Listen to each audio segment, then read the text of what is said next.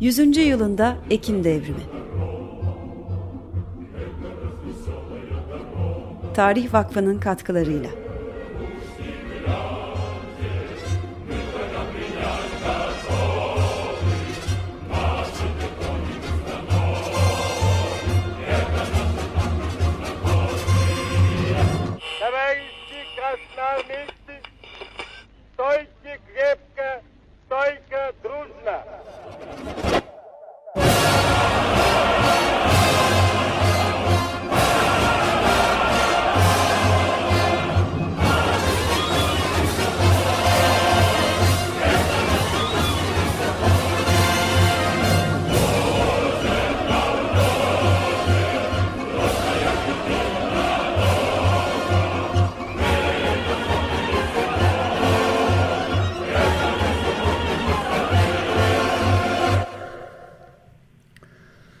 Evet, günaydın Doğan, hoş geldin. Merhabalar, hoş bulduk. Günaydın, hoş geldiniz. Merhabalar.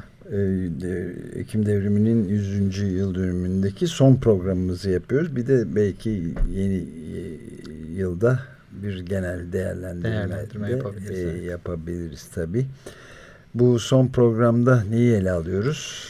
Son programda e, devrimin birçok veçesini konuşma imkanı bulunduk. Son programımızda St. Petersburg merkez olmak üzere zamanın petrokratı e, devrimin mekanları üzerinde duracağız ve bugün bir konuğumuz var. E, toplumsal tarih Kasım sayısını e, bahsetmiştik ondan da.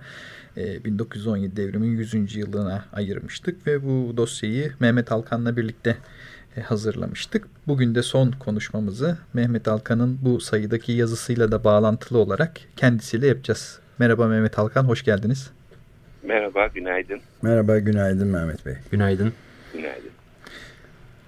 Ee, evet, bugün e, 1917'de e, devrim yaşanırken devrimin yaşandığı somut mekanlar üzerinden e, biraz e, başlayalım dedik ve devrimi konuşmaya başlarken ilk programlardan itibaren de e, devrimi hazırlayan e, şartlar, e, yapısal iktisadi şartlar, düşünsel şartlar üzerinde konuşurken e, Lenin üzerinde de tabii çokça durmak e, durumundaydık. E, Lenin'den bahsederken de onun abisinden e, bahsettik. Özellikle Ateş Uslu bu, burada programdayken e, Alexander İliç Ulyanov'un e, Lenin'in üzerinde ve devrim tarihi üzerinde de özellikle Narodnaya Volga örgütünün e, önemi üzerinde durmuştuk. Sizin yazınızda da aslında e, buradan başlıyor biraz St. Petersburg'un e, mekan olarak da e, önemli bir yerinde olan e, Schlesburg e, Anahtar Kale ve hapishanesi. E, siz de onunla başlamışsınız. E, hem devrim öncesine de bir e,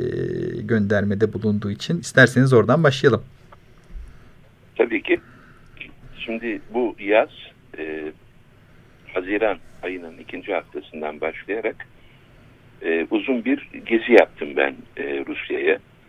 Bu gezinin amaçlarından biri, iki amacı vardı. Bir tanesi Sovyetler Birliği döneminden geriye ne tür izler kaldığını anlamak. Yani uzun sürmüş, dünyayı etkilemiş bir devrimin e, acaba yaşandığı ülkede ne tür izler bıraktığı veya hangilerinin korunduğunu anlamak. İkincisi de devrimin Ekim devriminin 100. yılı olması sebebiyle acaba Ekim devrimiyle ilgili e, ne tür izler var e, şehirde özellikle e, Sankt Peterburg'da, St. Petersburg'da ve e, Moskova'da, Moskova'da e, onları anlamaya çalışmıştım. Tabii bu yolculukta e, anlaşıldı ki e, öncelikle bu Schlesselburg e, adasından başlamak gerekiyor. Çünkü Schlesselburg devrim açısından e, Ateş Uslu'nun da belirttiği gibi Lenin'in abisinin idam edildiği yer. Şimdi e, bu kale aslında St. Petersburg'a yaklaşık iki buçuk saat mesafede. Neva Nehri biliyorsunuz Neva Nehri geçiyor St. Petersburg'un içinden. Neva Nehri ile Ladoga Gölü'nün birleştiği yerde bir ada burası. Ve çok stratejik bir yerde. E, St. Petersburg'un kurucusu e, büyük Petro'da denizci de bir e, çar olduğu için bu tür yerlere çok önem vermiş durumda ve e, bu kaleyi almak için de çok çaba sarf etmiş. Bunun ismi zaten Türkçeleştirdiğinizde anahtar kale anlamına geliyor. Hala bir anahtar sembolü kullanılıyor kaleyle alakalı olarak ve e, bir hapishane olarak kullanılıyor aynı zamanda daha sonraki süreçte. Bu hapishane olarak kullanılışı daha çok hanedan üyelerinin e, hapsedildiği bir yer. Özellikle var olan çara alternatif olma olasılığı olan e, hanedan üyelerinin hapsedildiği bir yer. Aslında biz, biraz bizim Topkapı Sarayı'ndaki Şimşirli'ye benziyor. Özellikle e, bu kardeş katlinin kaldırılmasından sonra e, Topkapı Sarayı'nda biliyorsunuz e, Şimşirlik denen bir yerde hanedan üyeleri e, bir tür hapsedilirdi. Kafes hayatı. Evet kafes hayatı yaşarlardı. Hanedan üyeleri de e, bu adada e, hapsedilmeye başlıyor. Fakat orada orayı gezerken görüyorsunuz ki orada bir rölyef var. E, rölyefte e, şöyle bir yazı okunuyor. E, aynen okuyacağım çevirisini size. Burada 8 Mayıs 1887 tarihinde Çar hükümeti tarafından Vladimir İliç Lenin'in ağabeyi devrimci Narodovolet Alexander İliç Ulyanov idam edilmiştir. Bu Narodovolet e, biraz önce sizlerin de söylediği gibi Narodnoya Volya yani halkın iradesi adlı bu Rus devrimci hareketine katılanlara verilen bir isim, Rusça bir isim. Tabii buradan hemen şunu söylemek mümkün. Lenin'in ağabeyinin idam edildiği yer burası. Neden idam ediliyor Lenin'in ağabeyi? Çünkü Lenin'in abi, abisi 1 Mart 1881'de ikinci Alexander biliyorsunuz bir suikaste uğruyor ve öldürülüyor. Hatta öldürüldüğü yerde bugün bir kilise var. Ee, o e, suikastte 15 yaşında ve bu olaydan çok etkileniyor Alexander İliç Ulyanov. Ve bunun üzerine zaten bu gizli örgüte giriyor. Bu gizli örgüte girdikten sonra e, kendisinin de öncülüğünde çok aktif bir rol oynamaya başlıyor. Üçüncü Alexander Çar, üçüncü Alexander'ı tıpkı ikinci Alexander gibi bir suikastle öldürmek için aynı günde hem de. Evet hem de aynı günde 1 Mart gününde 1 Mart 1887'de e, gerekli hazırlıklar yapılıyor. Patlayıcılar hazırlanıyor vesaire. Fakat bir ihbar sonucu yakalanıyor ve e, bu kaleye hapsediliyor ve e, burada idam ediliyor. idam ediliyor. Zaten devrimden önceki bu politikleşme hareketinden bahsetmiştik. Halka doğru halkçılık, popülist hareketlerden. Aslında hı hı. onun da e, bu temsilini sağlayan e, hem şahsiyetlerden hem de e, suikastin özellikle 19. yüzyılda Rusya'da önemli bir eylem türü olarak ortaya çıktığından da bahsetmiştik. E, bundan dolayı Petersburg'daki önemli mekanlardan bir tanesi. Biraz zamanımız da dar olduğu için hızlı ilerliyoruz. Tabii. Daha sonra e, özellikle St. Petersburg'a gidecek insanlar için devrim tarihiyle ilgili olarak özellikle uğranması gereken yerlerden bir tanesi de herhalde yazınızda bahsettiği gibi Finlandiya Garı olsa gerek. Birçok açıdan Kesinlikle. önemli bir yeri var. İsterseniz biraz ondan bahsedelim. Tabii ki. E, biliyorsunuz e, Petrograd'da o zaman Petrograd deniyor. Onu sanıyorum programlarınızda açıklamışsınızdır. Evet. Neden Petrograd dendiğine dair. Hı hı. E, Petrograd'da Lenin'in ilk ayak bastığı yer Finlandiya Garı ve Finlandiya Garı'na da e, bir e, lokomotif ve bir trenle geliyor biliyorsunuz. Uzun bir yolculukla geliyor. Evet o da ilginç Aslında, bir hikaye. Evet çok ilginç bir e, e, çünkü o biraz Osmanlı ile de hafif ilintili bir hikaye. İsviçre'den başlayan bir yolculuk o. Ve bu yolculuğu sağlayan kişinin de e, Parvus olduğu söylenir biliyorsunuz. Evet, Alexander Helfand Parvus. Daha önce de evet, değinmiştik Alexander İsrail Helfand Parvus. Bizim Parvus ee, Efendi olarak bildiğimiz Osmanlı tarihinde. Evet. Türkiye'de e, Türkiye'nin mali tutsaklığı diye Osmanlıca bir kitabı çıkmıştı onun. Sonra galiba Elif Kitabevi'nden onun çevirisini yapmışlardı. E, Parvus'un getirdiği, Parvus ilginç bir isim çünkü bizde milliyetçi çevrede yer alan bir isim e, Türk yurdu çevresinde yer alan bir isim. İkinci meşrutiyette 1912-13-14 yıllarında. Fakat sonra Birinci Dünya Savaşı ve daha çok onun vagon ticareti yaptığı söylenir. Her neyse sonuçta e, mühürlü bir trenle uzun bir yolculukla Lenin sürgünde olduğu İsviçre'den Petersburg'a iniyor. Petrograd'a evet. Evet. Mühür, mühürlü ne demek? mühürlü çünkü bir e, anlaşma yapılıyor geçeceği yerlerden ki ilk geçeceği yer Almanya. E, bu Almanya'dan Almanya başta olmak üzere geçeceği yerlerden asla e, inmeyeceğine dair yani vagonunda kalacağına dair bir taahhüt o. Evet dinleyicilerimiz Almanya'nın e, hali hazırda o anda Rusya ile savaş e, halinde olan bir evet, ülke olduğunu evet. hatırlatmamız gerekiyor. Evet. evet. E, hasım ülke, hasım e, olduğunu hatırlatmak gerekiyor. Ve e, arkasından zaten işte Lenin o maceralı yolculuktan sonra tabii denizden de devam ediyor o yolculuk. Ondan sonra Finlandiya üzerinden St. Petersburg'a geliyorlar. St. Petersburg'da işte tren istasyonundaki Finlandiya garı deniyor ona. Ee, yakın zamana kadar duruyormuş. Şimdi yeniden inşa etmişler bir e, 30-40 yıl evvel. Bu, burada e, tabii ki dönemin devrimcileri tarafından karşılanıyor. E, tezahüratlar yapılıyor vesaire. Sonrasında e, Finlandiya garının önüne çıkıp toplanan kalabalığa ki bayağı bir kalabalık toplandığı anlaşılıyor. Onlara hitaben bir konuşma yapıyor. Şimdi konuşmalarını genellikle denizciler yoldaşlar diye başlar Lenin.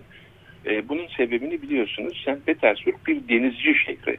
Denizci şehri olduğu için, denizciler fazla olduğu için konuşmalarında hitabının hep başlarında o denizciler hitabı vardır. Sonuçta e, bayağı bir etkileyici ve kısa bir konuşma yapıyor. Tabii şu çok ilginç. O konuşma yaptığı yere Lenin'in ölümünden sonra 1926 yılında bir heykel dikiyorlar. Şimdi bu da ilginç. Lenin'in ilk heykeli o. Aynı zamanda biliyorsunuz 1926'da Türkiye'de de e, Mustafa Kemal'in heykeli evet, dikildi. Sarayburnu'ndaki. Sarayburnu'nda. Evet. E, dikilmesi. Şimdi Lenin de e, Lenin'in heykeli sağ eli havaya kalkmış.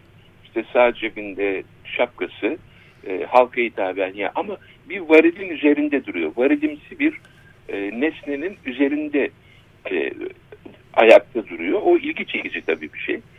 Ben onu bilmiyordum doğrusunu söylemek gerekirse e, St. Petersburg'a gidinceye kadar. Orada anladım ki çünkü e, başka bir yerde muhafaza ediliyor.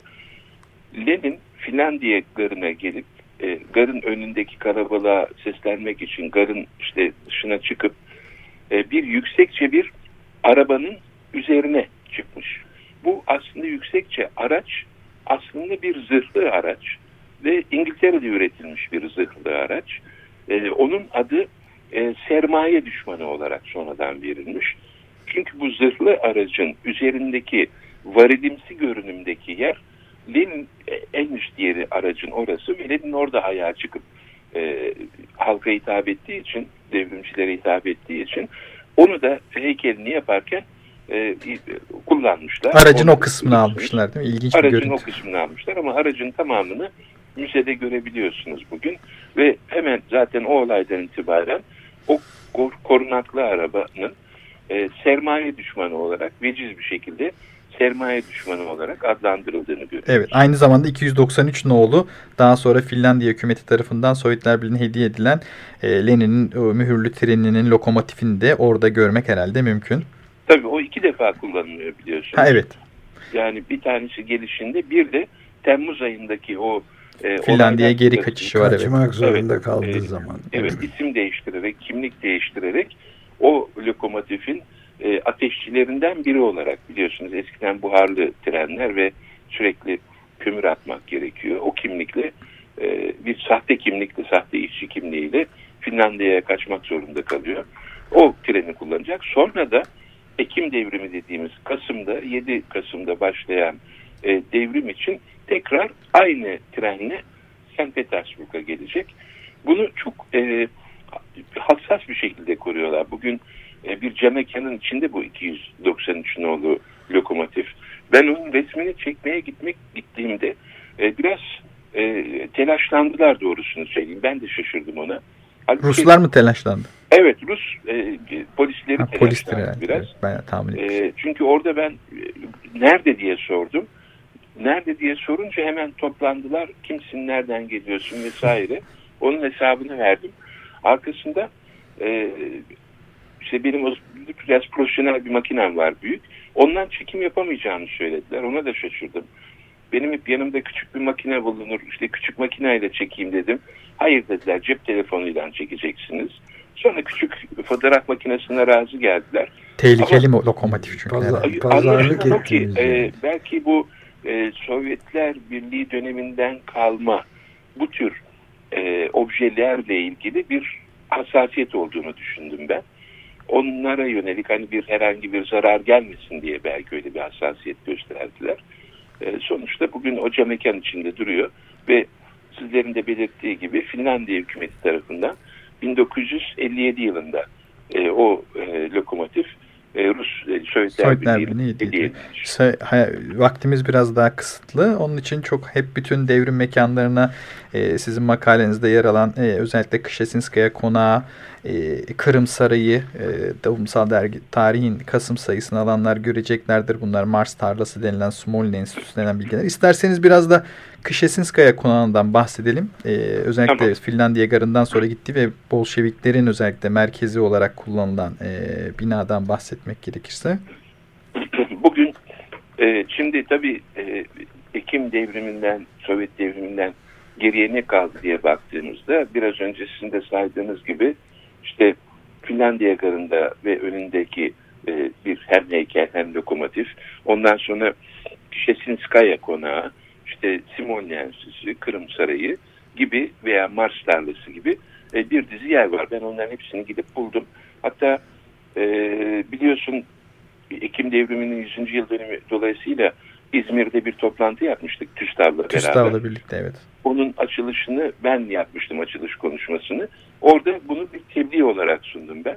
Çok ilginç bir şekilde o toplantıyı izlemeye gelenlerin büyük çoğunluğu eski komünistti. Yani eski e, e, Türkiye illegal Türkiye Komünist Partisi üyeleriydi. Dolayısıyla yaşlıydılar. E, onların bu çok hoşuna gitti. Çünkü anlaşıldı ki onlar da e, parti eğitimlerinin bir aşamasında Leningrad'a o dönemki e, ismiyle, ismiyle evet. götürülmüşler.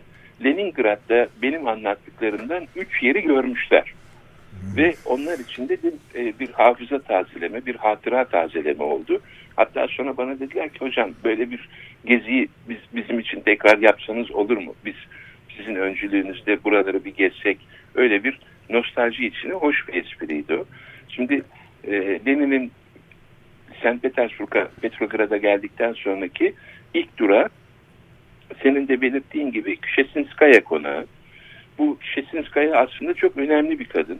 Genellikle Çar'la olan ilişkisi sebebiyle hatırlanıyor ama onu haksızlık etmemek lazım.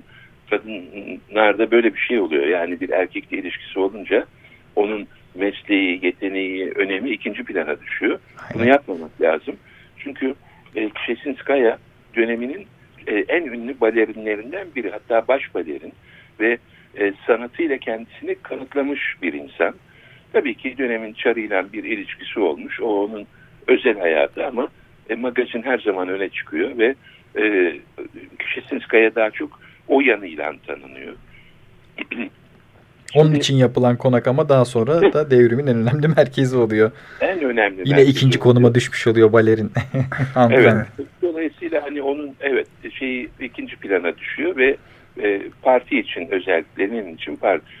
Lenin geldiği andan itibaren Temmuz'a kadar, Temmuz ayındaki kaçışına kadar burayı üs olarak kullanacak. Çalışma masası, çalışma odası, sekreterin odası orada.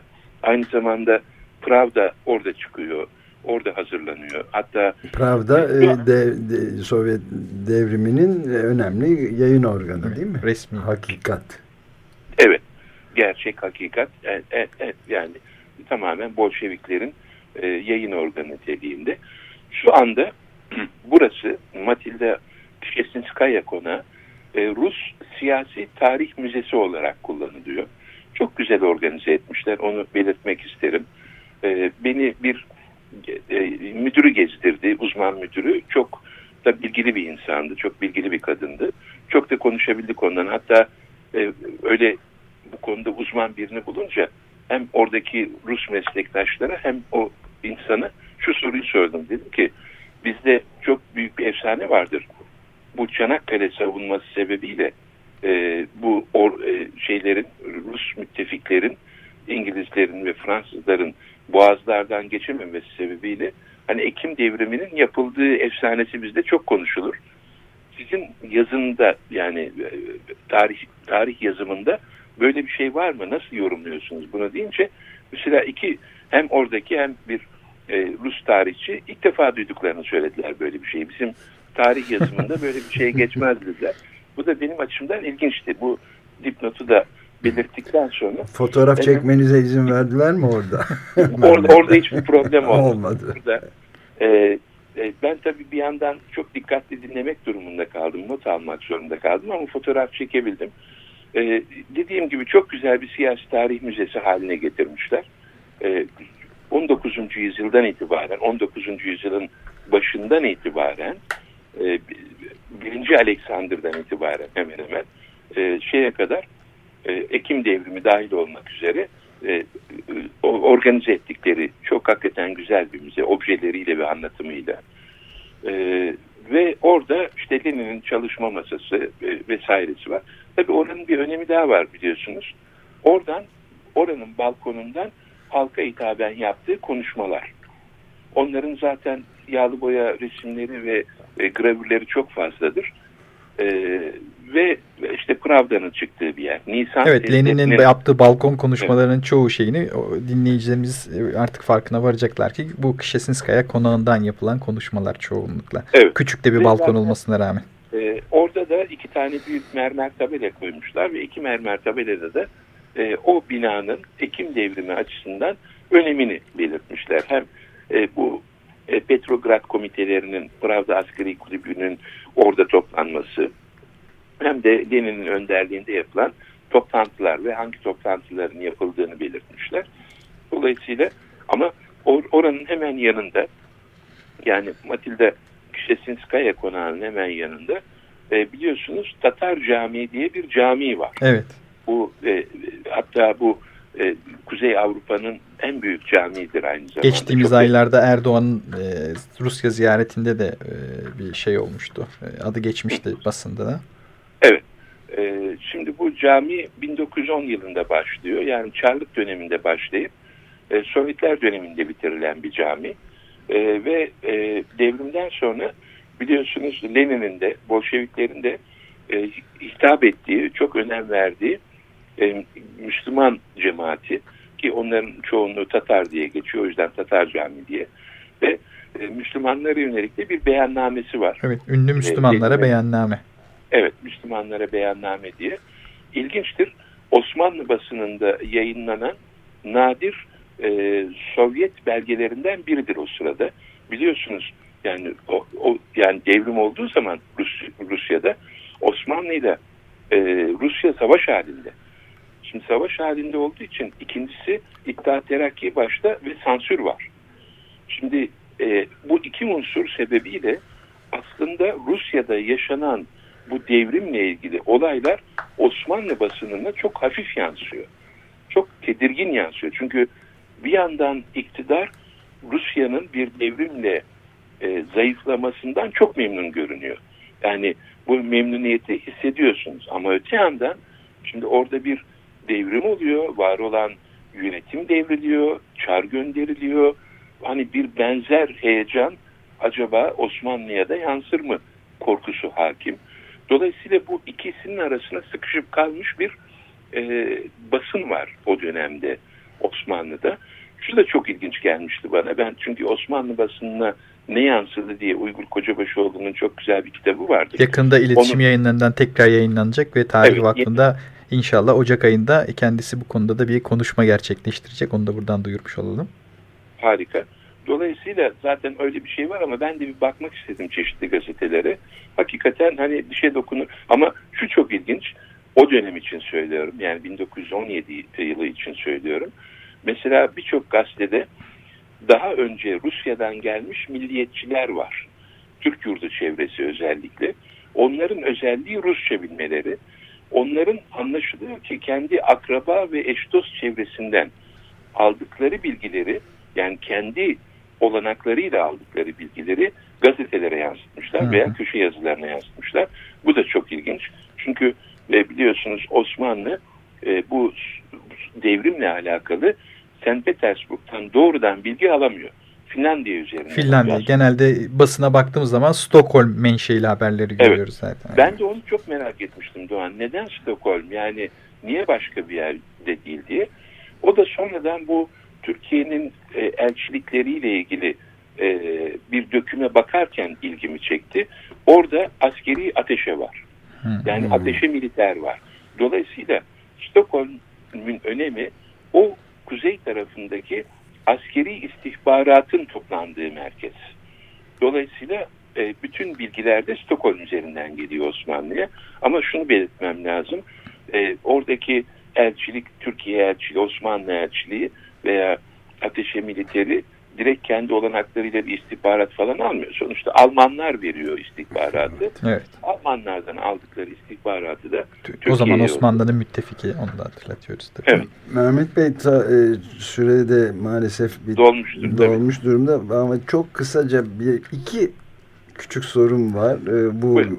müthiş e, seyahatinizden e, arta kalan e, şeyin izleri bir tanesi Stalin'e ait bir iz kalmış mı e, şu anda nasıl değerlendiriliyor? Çok uzun bir etkisi oldu çünkü Sovyetler Birliği'nde malum.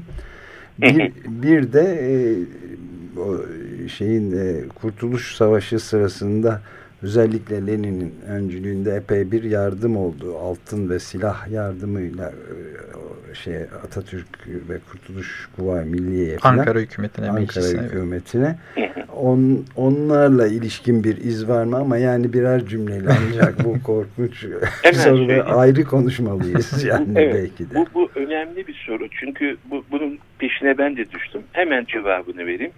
Lenin dışında Lenin adeta tırnak içinde bir kurucu lider, kurucu baba olarak düşünülerek Lenin'e dair ne varsa hemen hemen korunmuş durumda. Yani Lenin heykelleri, Lenin rölyefleri e, vesaire veya Lenin'in konuşmalarının yer aldığı kimi e, bakır levhalar vesaire metroda da görüyorsunuz bunu. Sokak aralarında da kimi binaların üzerinde de. Hmm. Fakat Stalin'e dair hiçbir şey yok. E, ama mesela eski edebiyatçılara dair var. Mayakovski'ye dair var mesela. O, onu çok seviyorlar ve ona dair eskiden ne yapıldıysa aynen koruyorlar. Gogol'a dair yani ortak bir e, şey düşünüyorlar. Edebiyatçılarla ilgili özellikle. Onları koruduklarını görüyorsunuz. Bu ikincisine gelince yani e, o, o, Osmanlı'ya yardım, Kurtuluş Savaşı'na yardım konusuna. Şimdi ben Şark Eserleri Müzesi'ne de gittim orada. Affedersiniz kütüphanesine e, çok büyük bir biliyorsunuz e, şu andaki Rusya'nın en büyük e, kütüphanesi evet. şarkı eserleriyle ilgili ve çok erken dönem Türk diline dair e, malzemenin de olduğu bir yer. Yani hayranlıkla gezilen ve kullanılan bir yer. Çünkü yani Türkçenin ilk örnekleri, yazılı örnekleri kağıt üzerinde orada var. Bu çok müthiş bir şey aslında. Hatta onun da çok başarılı bir e, direktörü var, müdürü var. Onunla da konuştuk. O da bir kadın. Hatta ben sordum hani e, ne kadar Türk geliyor buraya hani Türkiye'den araştırmacı falan filan. Yoktu. Yani ben müdür olduğumdan beri hiç gelmedi dedi. Bu kadar meraklıyız yani biz bu konulara. Bırakın evet. hani sosyalizmi, sosyalist tarihi merak etmeyi. Hani o milliyetçi tarih, Türk tarihi dahi merak edilerek gidilmemiş. Ayrıca Lenin'in çalıştığı meşhur kütüphanede başka bir şeye rastladım. Onu bir proje haline getiremedim. Mesela Ruslar Osmanlı ile yaptıkları bütün savaşlarda biliyorsunuz kazandılar Kırım Savaşı hariç. Hı hı. O savaşlarda geldikleri yerlerdeki bütün camilerin, e, çeşmelerin, e, binaların kitabelerini toplamışlar. Taş kitabelerini ve oradaki kütüphaneye e, kaydetmişler. Mesela bunun envanterinin çıkartılması da çok önemli. Ama sonuçta e, Türkiye'ye yardımıyla ilgili herhangi bir iz e, yok. Yani sıradan bir evet. tarihçi de bu konuda çok bilgili değil doğrusunu söylemek gerekir. Evet, daha bakılacak, araştırılacak çokça şey var. Çok teşekkür Gerçekten ediyoruz. Çok, çok şey teşekkür var. Belki evet. Açık Radyo ile ortak tur düzenleyebiliriz. Tur düzen. evet, evet, evet. evet. evet bu, bu, bu, bu teklif bana bir kere daha geldi. Yani işte evet, demin de bahsetmiştiniz. galiba yok o İzmir'de geldi. Sonra bir teklif daha geldi.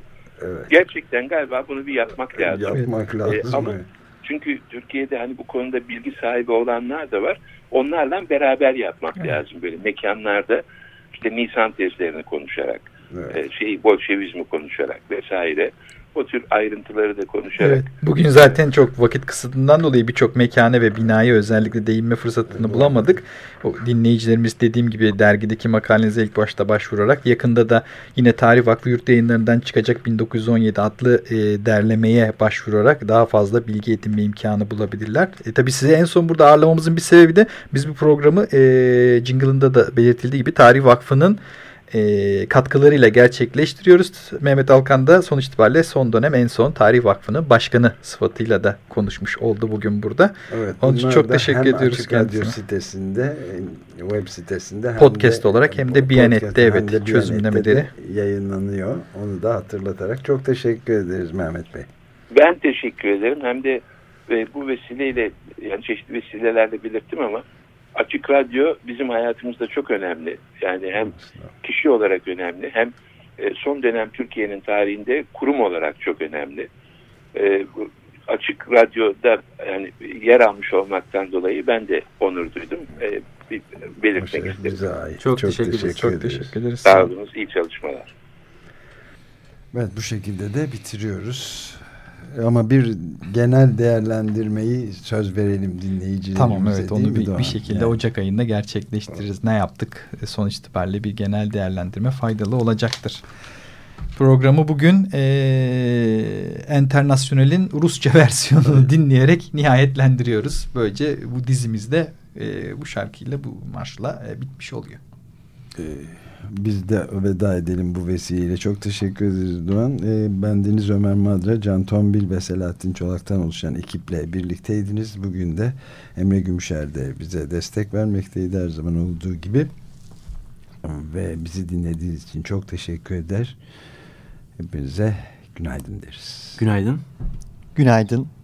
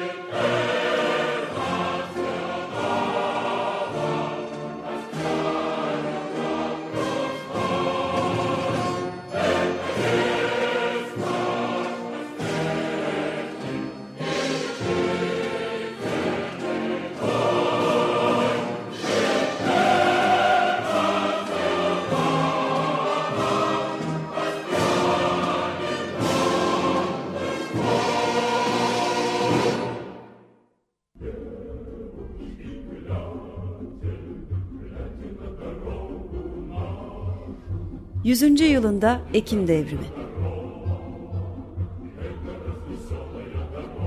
Tarih Vakfı'nın katkılarıyla